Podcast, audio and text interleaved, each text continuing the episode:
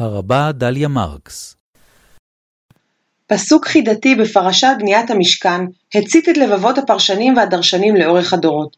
ויעש את הכיור נחושת, ואת קנו נחושת, במראות הצובעות, אשר צבעו פתח אוהל מועד. מי היו אותן צובעות, ומה היו אותן מראות? מדוע בחרה דווקא כאן התורה לציין את המקור של כלי מכלי המקדש?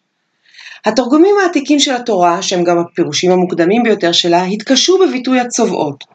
תרגום השבעים מתרגם ביוונית להנשים הצמות, אפשר לראות איך בכתבי היד התחלפו האותיות של שתי המילים.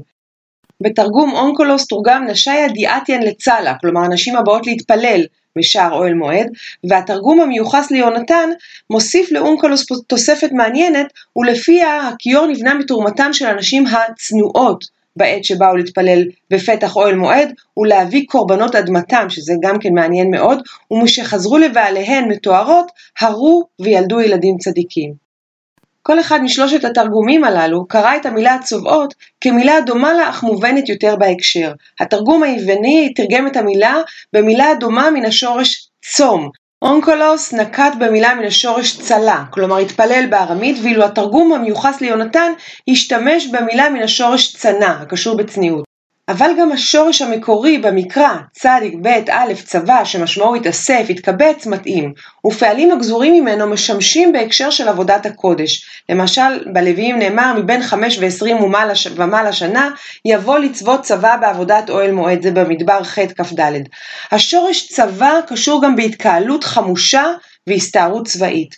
הבחירה בתואר הנשים כהצובעות מעלה על הדעת חבורה גדולה, מלוכדת, מחושלת, של נשים לצורך תפקיד או פעולה מוגדרים.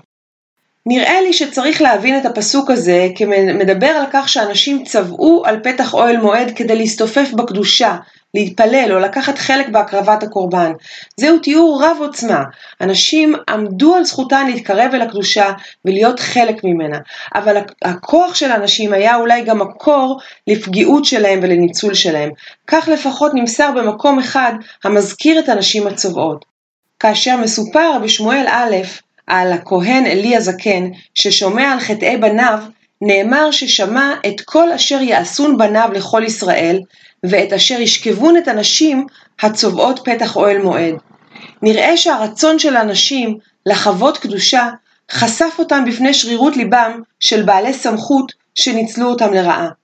גם הפירושים האפולוגטיים שלפיהם בני עלי לא באמת שכבו עם אנשים אלא רק השהו את קורבנותיהם, מעידים על ניצול לרעה של רגש דתי נלהב של אנשים על ידי כהנים ערלי לב.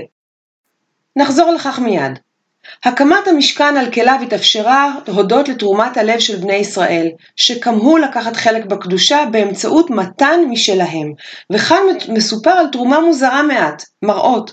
פרשנים אחדים התקשו בעניין הזה, ואף הביעו היסוס לגבי שימוש בכלי שנועד להתייפות ואולי לפיתוי לשם הכנת כלי קודש. אבן עזרא למשל ראה את תרומת המראות והתחתן כהקרבה של האנשים את החושניות שלהם, שסרו מתאוות זהו העולם, ונתנו את המראות שלהם נדבה כביטוי לכך שאין להם עוד צורך להתייפות.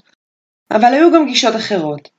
מסורת נועזת המובאת במדרש תנחומה מלמדת שדווקא ההיזקקות למראות ולתאוות העולם הזה הייתה מעשה של צדיקות.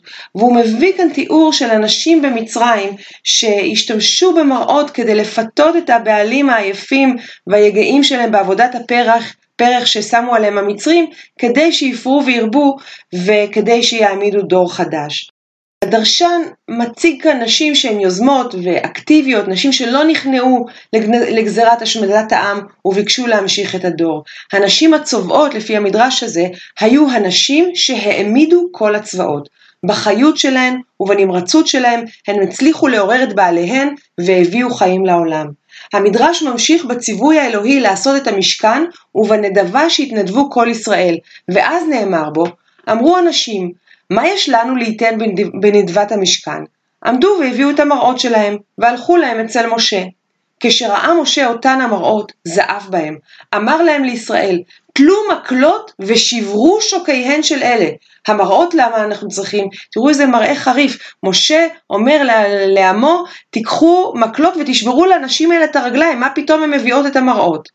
אמר לו הקדוש ברוך הוא למשה, משה, על אלו אתה מבזה?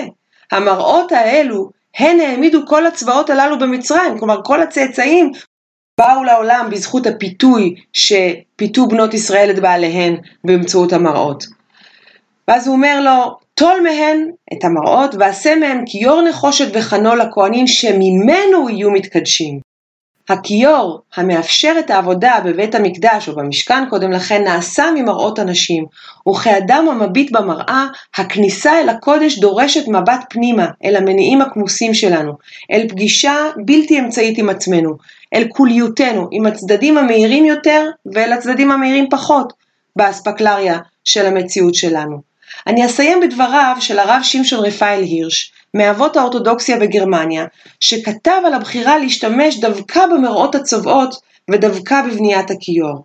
וכך הוא כותב, נמצאנו למדים שהחושניות שבהוויה האנושית גופנית לא זו בלבד שאינה מוצאת מכלל הקידוש הבא מן המקדש, אלא דווקא היא הדבר הראשון והעיקרי שהקידוש חל עליו.